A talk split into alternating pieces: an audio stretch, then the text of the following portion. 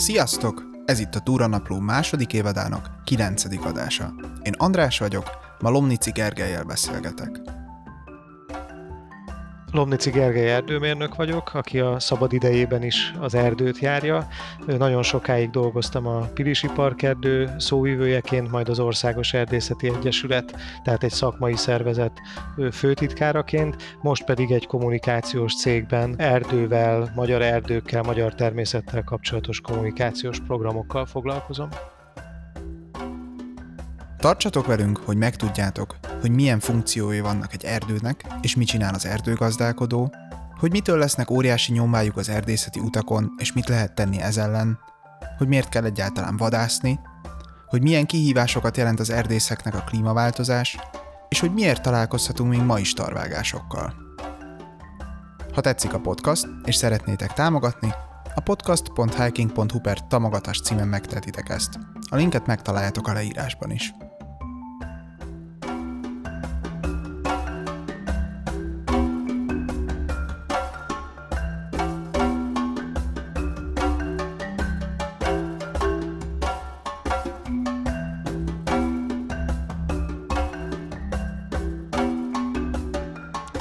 Lomnici Gergely vagyok, erdőmérnök. 2003-ban végeztem a Soproni Egyetemen, ami Magyarországon egy olyan unikális helyzetben vagyunk, hogy egy helyen lehet erdőmérnöknek tanulni. Az egyetem elvégzése után a főváros környékében kezdtem erdészként dolgozni, a Pilisi Parkerdő budapesti erdészeténél, de elég hamar kommunikációs témákkal foglalkoztam, és innen kerültem be a Pilisi Parkerdő központjába, ahol több mint tíz éven át a Pilisi Parkerdő szóvivője voltam, ennek az időszaknak a végén már az Országos Erdészeti Egyesületnek voltam főtitkára. Ez egy most már több mint 150 éves múltra visszatekintő szakmai szervezet, de azon túl, hogy tömöríti az erdész szakembereket, azon túl fontos tevékenységi köre az ismeretterjesztés és a szemléletformálás is az erdészeti területen. Valószínű, hogy egy kicsit ez az én ilyen kommunikációs múltamnak is köszönhető, de elég komoly ilyen jellegű programokat indítottunk és folytattunk. 2017 óta pedig egy kommunikációs tanácsadással foglalkozó céget vezetek, de nagyon sok a zöld témánk, a fenntarthatósággal kapcsolatos témánk, vagy éppen az erdőkkel kapcsolatos témánk, tehát ilyen módon megmaradt a kötődés a magyar erdőkhöz, a magyar természetjáráshoz. Nagyon sokszor találkozom túrázóként az erdőben az erdészet és a vadászat munkájával, nyomaival, és nagyon sok más túrázótól is látom, hogy felmerülnek kérdések. Amíg az embernek nem olvas utána, nem néz utána, azt gondolhatja, hogy most elmegyek az erdőbe, ami ott van. De az, az nyilvánvaló, hogy az erdő az nem csak ott van, az egyrészt gazdasági szerepe van, másrészt természetvédelmi szerepe van.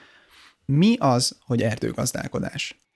Hát ez egy nagyon jó kérdés, hogyha jól értettem, akkor egy félórás beszélgetésre készülünk. Hát ez egy olyan kérdés, ami ezt a félórát ezt bőven ki tudná meríteni. De ha nagyon röviden össze kellene foglalnom, akkor azt mondhatnám, hogy Európában a, és ezen belül Magyarországon is a 21. századi erdőgazdálkodásnak az a feladata és célkitűzése, hogy megőrizze az erdőállományt, és megőrizze azokat a szolgáltatásokat, szakszóval úgy mondják, hogy ökoszisztéma szolgáltatások, amiket az erdő nyújt az emberiség számára.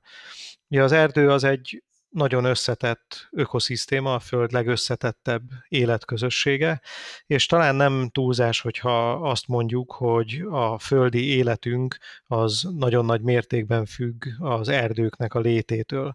Tehát az a környezet, az a klíma, azok nagyon nagy mértékben az erdők hatása alatt állnak, kölcsönhatásban állnak az erdőkkel, gondoljunk a vízkörforgásra, gondoljunk az oxigéntermelésre, a szénmegkötésre, tehát globális szerepe van az erdőknek a mi életünkben. És emellett vannak helyi, kisebb léptékű feladatai és szolgáltatásai az erdőnek, gondoljunk itt a faanyagra, mint megújuló energiaforrásra, vagy nyersanyagforrásra, de gondolhatunk a rekreációs szolgáltatásokra, a kulturális szerepére az erdőnek, tehát egy nagyon összetett szolgáltatás csomagra, hogy úgy mondjam, és az erdőgazdálkodásnak az a feladata, az a célja, hogy ezek a szolgáltatások hosszú távon elérhetőek legyenek az emberiség számára. És mit tesz az erdőgazda ennek érdekében? Az erdőgazdálkodónak talán a 21. században a legfontosabb feladata az, hogy a változó környezeti viszonyok között is megőrizze a jó minőségű erdőt. Mindannyian tudjuk és tiszta vagyunk a klímaváltozásnak a jelenlétével a mindennapjainkban is már, de talán az erdész szakma az, ami elsőként észreveszi ennek a hosszú távú hatásait, eleve azért, mert hosszú távon kell gondolkodnia, tehát egy fa magyarországi viszonyok között is akár 50, 80, 100, 120 évig neveljük, mire kitermelik és, és hasznosítják.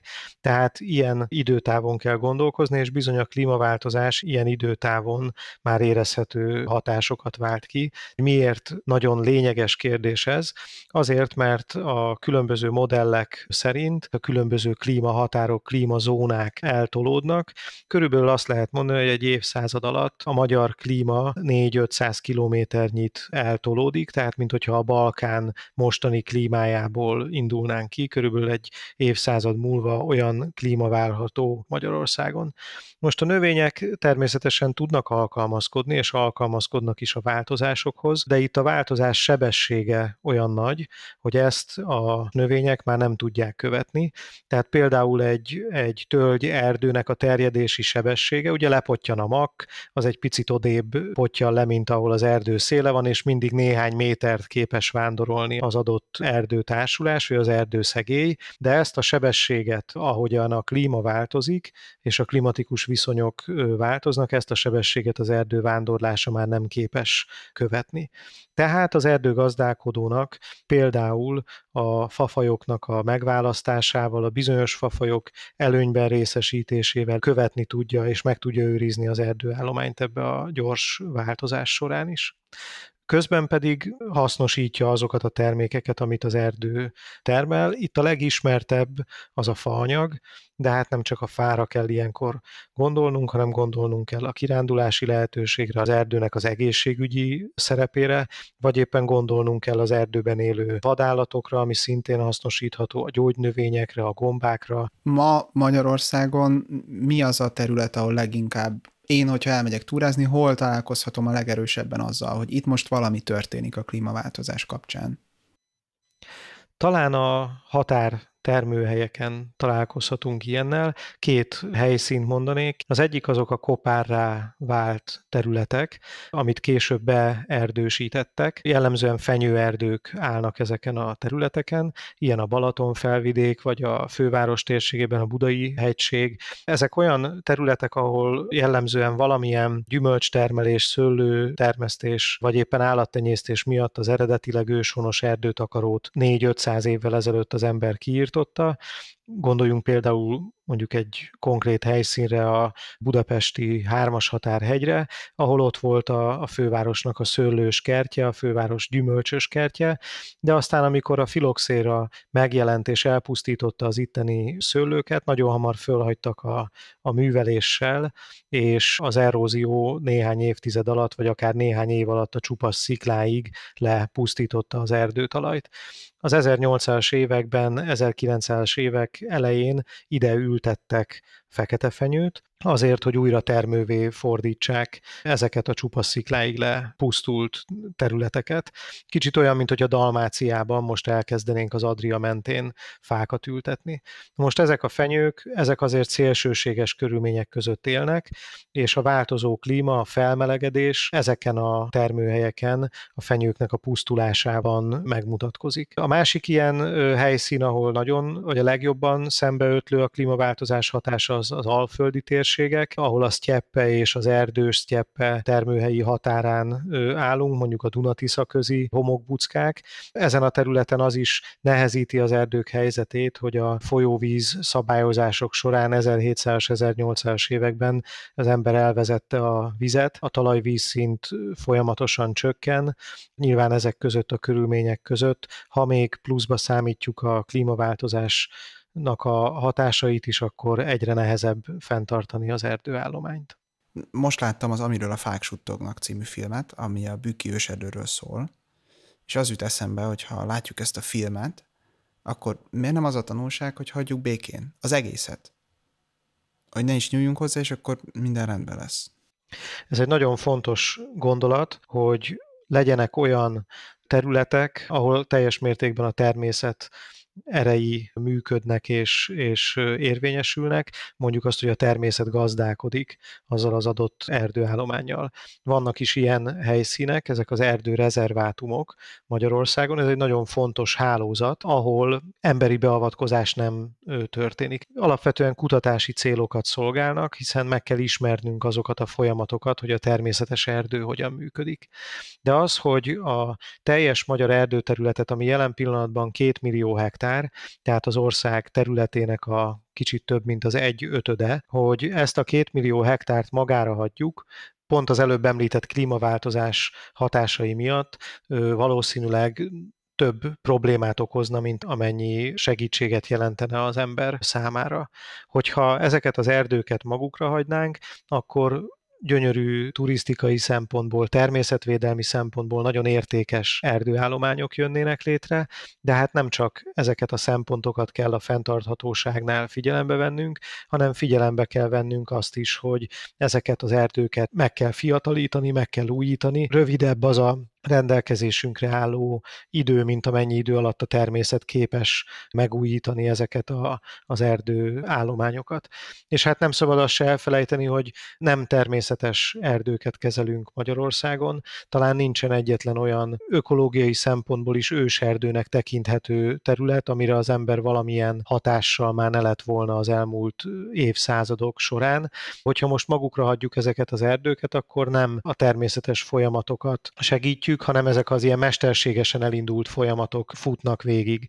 Tehát például mesterséges munkának az eredménye az, hogy ezek az erdők egykorúak nagyon sok helyen, és ezek sokszor segítség nélkül nem képesek átalakulni többkorú és több fafajból álló változatos erdővé. Az ember viszont tudatosan tud ezeken a folyamatokon segíteni, tud ezeken a folyamatokon gyorsítani. Miben változott meg mondjuk az elmúlt 40 évben az erdőgazdálkodás hozzáállása? Van egy olyan kép a fejemben, hogy ma már nem csinálunk tarvágást, de azért mégiscsak látni tarvágást, amikor az ember járja az országot nem csak a elmúlt 40 évet vagy 50 évet venném figyelembe, hanem egy hosszabb időszakot, hosszabb folyamatot, hiszen maguk az erdők is hosszabb ideig élnek, és, és hosszabb távon kell az erdésznek gondolkodnia. Tehát én ezt a változást már az 1700-as évek végére datálnám, amikor az erdőgazdálkodásban megfogalmazódott akkori szóval az a fogalom, hogy tartamosság. Rájöttek arra, hogy ha mindig csak kitermelnek és nem gondoskodnak a, az erdő újraültetéséről és az új erdők neveléséről, akkor bizony elfogy és föléli az emberiség ezt az erőforrását. Most ez a tartamosság gondolata, ami akkor egy kifejezetten gazdasági szempontú gondolat volt, ez fejlődött és egészült ki a 21. századra a fenntarthatóság gondolatává, ahol már nem csak gazdasági szempontokat nézünk, hanem az is fontos, hogy különböző védelmi funkciók, például természet természetvédelmi szempontok megjelenjenek, és a szociális szempontok is megjelenjenek. Tehát gondoljunk itt a rekreációra, vagy éppen az erdőgazdálkodás által biztosított munkahelyekre. És mi a helyzet a tarvágásokkal? A tarvágás azt jelenti, hogy az adott területen lévő összes faegyedet kitermelik, és utána mesterségesen ültetnek arra a területre fiatal faegyedeket. Ezt a módszert alkalmazzák például az úgynevezett erdőszerkezetek átalakításnál is, amikor mondjuk egy idegenhonos, akácos vagy nemes nyár helyett őshonos fafajokból álló erdőt szeretnének létrehozni, tehát nem lehet más, hogy azt végrehajtani, mint úgy, hogyha az összes eredetileg ott álló faegyedet kitermelik, és utána mesterségesen ültetik oda a őshonos fafajokat. Tehát önmagában a tarvágás nem jelent problémát, hogyha ezt megfelelő szakértelemmel és megfelelő helyszínen alkalmazzák, akkor jelent problémát, vagy akkor jelenthet problémát, hogyha indokolatlanul nagy területen történik tarvágás, vagy pedig olyan erdőállományokban, amit más módon is, mondjuk hosszabb időtávra, időben elhúzott fakitermelésekkel lehetne kezelni. Tehát például egy bükkösben semmiképpen nem szoktak, nem is indokolt tarvágást végezni, viszont az akácosokban, nemes nyárasokban, vagy éppen a, a pusztuló fekete fenyvesekben egyszerűen nincs más mód a faállománynak a kitermelésére. A tarvágás az egy fakitermelési módszer, de nem jelenti azt, hogy eltűnne utána az erdő, hanem csak azt jelenti, hogy nem természetes úton magról nőnek ki ott a következő generáció fiatal fái, hanem miután eltávolították az összes fát a területről, utána mesterségesen ültetik be a területet. Az vitathatatlan, hogy azért ott megszűnnek bizonyos életközösségek, ott kicsit szárad a talaj, mert jobban éri a nap. Nagyon erős beavatkozás attól még, hogy lehet, hogy elengedhetetlen. Minden fakitermelés egy jelentős beavatkozás. Nézzük azt, hogy akár a, a természetjárók szempontjából meg tudja változtatni a tájképet, vagy éppen az ott élő többi növényfaj és állatfaj számára. Bizony az erdész szakmának pontosan az a feladata, hogy ezeket a hatásokat minimalizálja, és megkeresse azt az optimumot, ami mindenki számára elfogadható, ami mellett az erdőnek a hosszú távú megújítása, megfiatalítása szükség esetén a fafajok cseréje megvalósítható, emellett faanyaghoz is tud jutni a társadalom, de nem sérül olyan mértékben a talaj, vagy éppen az erdei flórának és faunának a, a többi élőlénye. Az erdész szakma az mindig egy nagyon komoly egyensúlyozás ezek között a szempontok között, hiszen mivel egy bonyolult rendszert kezelnek az erdészek, ezért nagyon sok szempontot kell figyelembe venni a különböző munkák vagy beavatkozások tervezésekor. A magyarországi erdőgazdálkodást te világszinten milyen szintre tennéd? Tehát kiemelkedő, átlagos, vagy még azért igazán lenne mit fejlődni? Szerintem a magyar erdőgazdálkodásra abszolút lehetünk büszkék, csak néhány olyan dolgot érdemes végig gondolnunk, amit talán kevesebben ismerünk, vagy kevesebben tudunk, hogy Magyarország az elmúlt évszázadban megduplázta az erdő területét, tehát 1920-as években 10-11 százalék volt az erdővel borított terület az országban, most meg 20 százalék fölött van, és ez bizony egy igen komoly értékteremtő munka, és hát nagyon komoly feladatot is jelent a mostani változó klimatikus viszonyok között. Emellett nagyon szigorú a magyar erdőkkel kapcsolatos szabályozás. Azt biztosan mondhatom, hogy a magyarországi erdőtörvény az a, az egyik legszigorúbb a világon nagyon komoly garanciát jelent Magyarországon a erdőtörvény és az erdőtörvény mögött álló hatóságnak a jelenléte. Az ő működésüknek a, az eredménye az, hogy Magyarországon gyakorlatilag nincsen erdőírtás, nem csökken, hanem folyamatosan nő az erdőterület. Ugye erdőt itt nálunk Magyarországon a középkorban írtottak és hoztak létre írtványtelepüléseket, de manapság pont fordított folyamat zajlik, pontosan nő az erdőterület, nagyon komoly fásítási programok zajlanak, aminek az a célja, hogy a gyengébb minőségű mezőgazdasági területeket újra erdővel és fával ültessék bele. Tehát, hogyha az összképet néz, nézzük, akkor szerintem a magyar erdőgazdálkodás stabil lábakon áll, és jó szakmai színvonalon is áll. Erre egyébként példák azok a az úgynevezett örökerdő területek, amik egyre nagyobb teret foglalnak az országban. Csak a főváros térségében a Pilisi Parkerdő területének már a, a 40 a kát úgy kezelik a szakemberek, hogy megmaradjon a folyamatos erdőborítás még a fakitermelések mellett oké okay, egyfelől, hogyha ki is termelünk bizonyos erdőket, akkor helyére ültetünk, de azért ez megint vissza, visszacsatol a korábbi kérdésemben, hogy azért a biodiverzitás az ilyenkor megőrizhető-e? Vagy, vagy hogy erre mit lehet csinálni, vagy mit lehet ezzel kapcsolatban tenni? Nagyon komoly szakmai előírások vannak, természetvédelmi és erdőgazdasági szakemberek által kidolgozott munkarend vagy, vagy szakmai előírások, amik lehetővé teszik azt, hogy, hogy ne csökkenjen a biodiverzitás, sőt lehetőleg nőjön. És hogy ez mennyire így van, gondoljunk arra, hogy 30-40 évvel ezelőtt kirándulás közben hány hollót lehetett látni, nagyon keveset. Most hála Istennek teljesen mindennapos látvány bármelyik középhegységi területünkön az, hogy hollók repülnek, különösen ilyen februári télvégi időszakban, amikor a nászrepülése zajlik ezeknek a madaraknak. De gondolhatunk a fekete harkályra, vagy a különböző fakopáncsokra, odulakó madarakra, amik örvendetesen elterjednek, vagy a fekete gólyára, ami évtizedekkel ezelőtt ritka vendégnek számított, most pedig stabil fészkelő állománya van az erdőterületeken, de gondolhatunk a nagy ragadozóknak a megjelenésére is. Hiúz a Börzsönyben, Farkas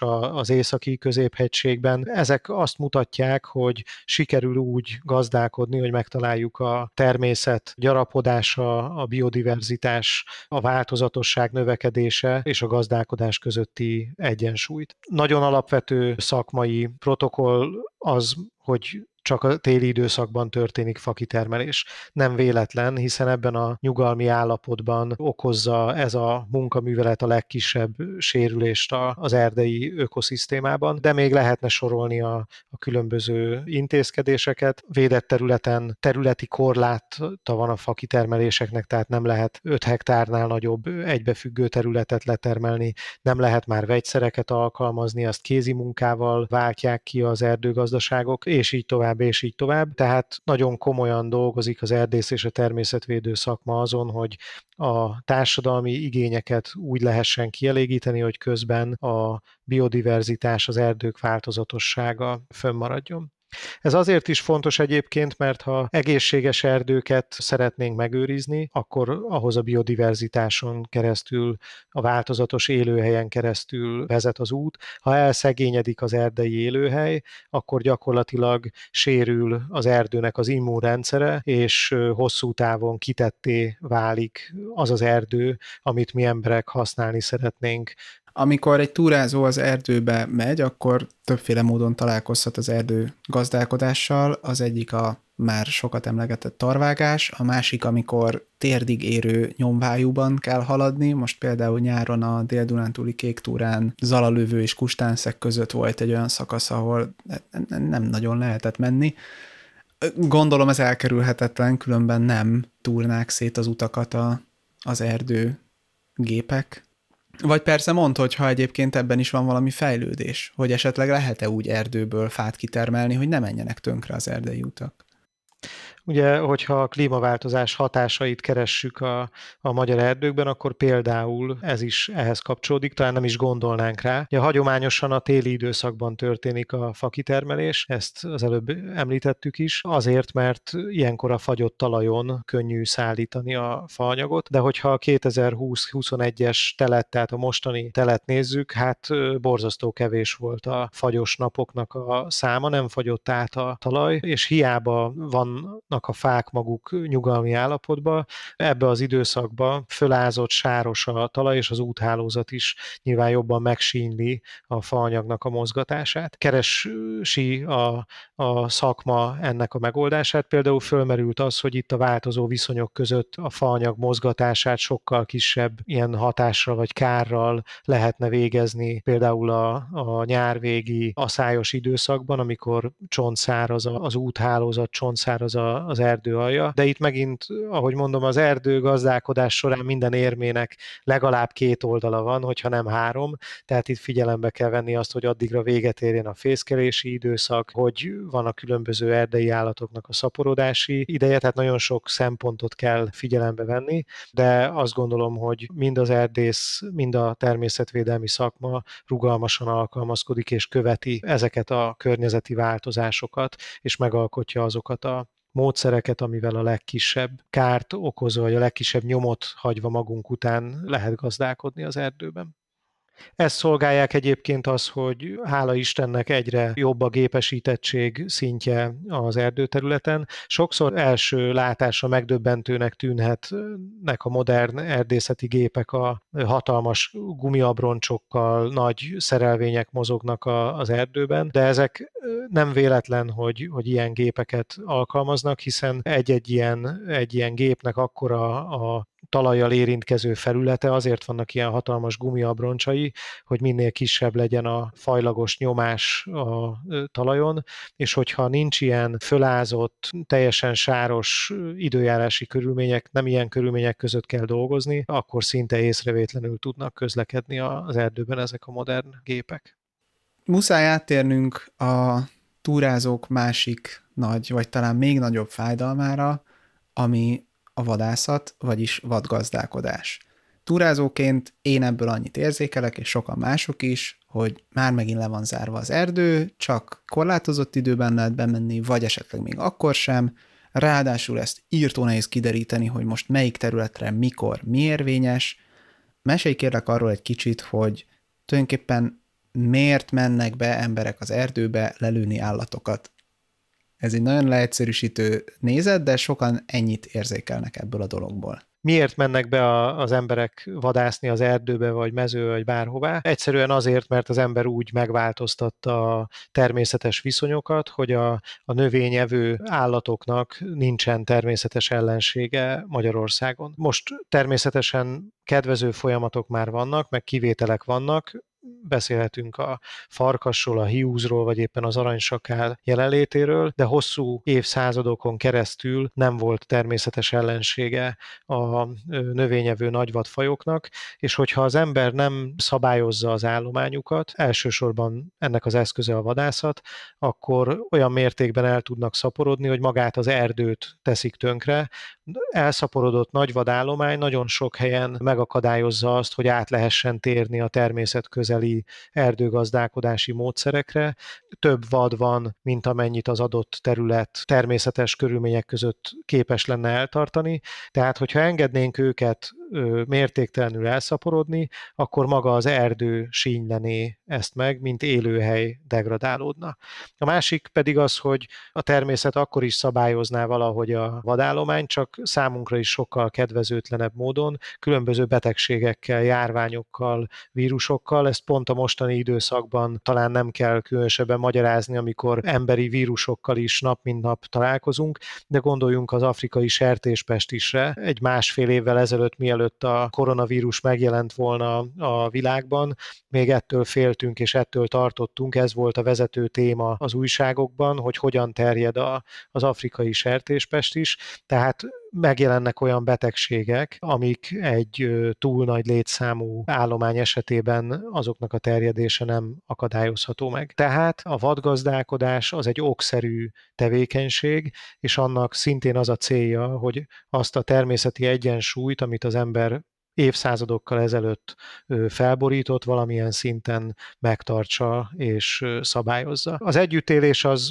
sokszor nem könnyű, de pontosan az, az ilyen szemléletformáló műsoroknak, híradásoknak a feladata, hogy megismerjük egymás szempontjait, hiszen nyilván egy, egy vadásznak is nagyon nehéz, amikor 11 egyszer ül ki a lesre, hogy elejtsen egy vadat, de megint találkozik ott egy turista útról letért kirándulóval, és ezért fölöslegesé válik az ő munkája, és nyilván egy, egy turista csoportnak is nehéz, amikor nem tud egy korlátozásról és a tervezett túráját át, át kell tervezni. Az lenne a közös érdekünk és a közös feladatunk, hogy tájékoztassuk egymást, és minél kevésbé zavarva egymást úgy végezzük a kikapcsolódásunkat, vagy éppen a munkánkat. Én, a, én pontosan ezt gondolom, de őszintén megvalva az az érzésem, hogy ez a labda inkább a vadászoknál pattog, ugyanis tényleg nagyon nehéz egy, egy térképes, hozzáférhető, megtalálható formában egyszerűen értesülni arról, hogy mi van, mert nekem kell tudnom, hogy melyik erdészethez tartozik az a terület, ahol én túrát tervezek, ott meg van hirdetve egy csomó dátum, aznap vagy van túra, vagy nincs. Én ennek utána szoktam járni, amikor őszi túrát tervezek, vagy télit, de nem mindenki jár utána, mert, mert tényleg nagyon sok erőfeszítés. Szerinted hogyan lehetne ezt valahogy jobban egyszerűen elhozni a turista társadalomhoz ezt az információt. Nagyon jó kezdeményezések azok, amit a különböző természetjáró szervezetek, szövetségek készítenek, hogy van egységes felülete a, a természetjárással kapcsolatos információknak, és ami ott meg tud jelenni, az a legszélesebb természetjáró réteghez eljut. Én azt gondolom, hogy ez a, ez a jó irány, és ez a helyes irány. Mindemellett én magam sokszor voltam a tájékoztatásnak a másik oldalán, amikor azon dolgoztunk, hogy hogyan juttathatjuk el az információt a természetjárókhoz, és bizony nem, nem könnyű, hiszen mondjuk a vadgazdálkodás vagy a vadászat is egy az időjárásnak jelentősen kitett tevékenység, tehát nem olyan, hogy bedobom a 20 forintost és kijön a vad a, a másik oldalon. Nagyon sok vadászatot például meghirdettünk, de aztán mondjuk a köd miatt el kellett halasztani. Ez sajnos egy rugalmasságot feltételez, és igényel mind a két fél részéről. Tehát van egy olyan határ, aminél pontosabban ezt a tevékenységet megtervezni nem lehet. Egyrészt abból, ahogy mesélsz, meg a karrier történetedből is kiviláglik az, hogy mennyire fontos neked az, hogy minél több emberhez eljuttassad ezt a dolgot, hogy mi az, hogy erdőgazdálkodás, mi az, hogy erdő. Amikor utána olvastam annak, hogy ki is vagy te, akkor az is kiderült, hogy a fiatalok, gyerekek képzésével, táborok szervezésével, ilyenekkel is sokat foglalkozol. Mesélj kérlek arról egy kicsit, hogy, hogy tulajdonképpen mi is ez, hogy erdőpedagógia az erdei iskolák, az ott zajló oktató-nevelő munka, amit erdőpedagógiának hívunk, az egy nagyon fontos tevékenységi kör, hiszen arra fenntartható gondolkodásmódra, fenntartható gazdálkodást mutatja meg gyakorlati példákon keresztül a, a gyerekeknek, ami a 21. században nélkülözhetetlen. Tehát, hogyha ezen a földön akarunk élni emberek, akkor bizony meg kell tanulnunk, hogy a természeti erőforrásaink végesek, és hogyan tudjuk őket úgy hasznosítani, hogy ne pusztítsuk el őket közben. És az erdőgazdálkodás erre nyilván egy folyamatosan fejlődő, de mégis jó példát mutat. Minél több gyereket bevonunk ebbe a világba, megismertetjük velük hogy mi miért történik, annál nagyobb esélyünk van arra, hogy megőrizzük ezeket a, a természeti értékeinket. És mit csináltok egy ilyen műhely munka vagy tábor ilyesmi alkalmával a gyerekekkel, hogy hogyan tanítjátok nekik ezeket? Az erdő pedagógiának a, az egyik legfontosabb szinterét adják az erdei iskolák, amik több napos táborokat jelentenek a gyerekek számára. Itt olyan közösségi élményben is van része a gyerekeknek, ami nem csak a természettel kapcsolatos tudást kapják meg, nem csak testközelből tapasztalhatják meg a természet működését, hanem egy közösségépítő formáló ereje is van, tehát a, a természeti élmény fogja összetartani az ő közösségüket.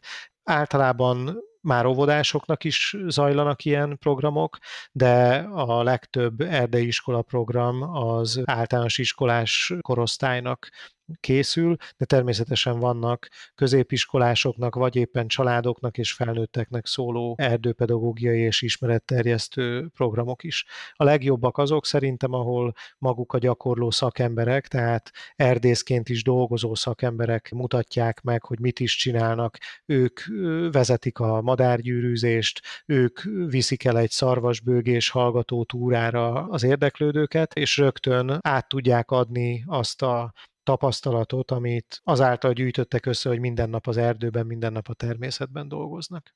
Te, mint aki erdész, vadász, nem tudom, hogy te magadra milyen címkét tennél, ha bármilyet, de egy kicsit azt érzem, hogy a túrázókhoz képest idézőjelben a másik oldalról kommunikálsz felénk.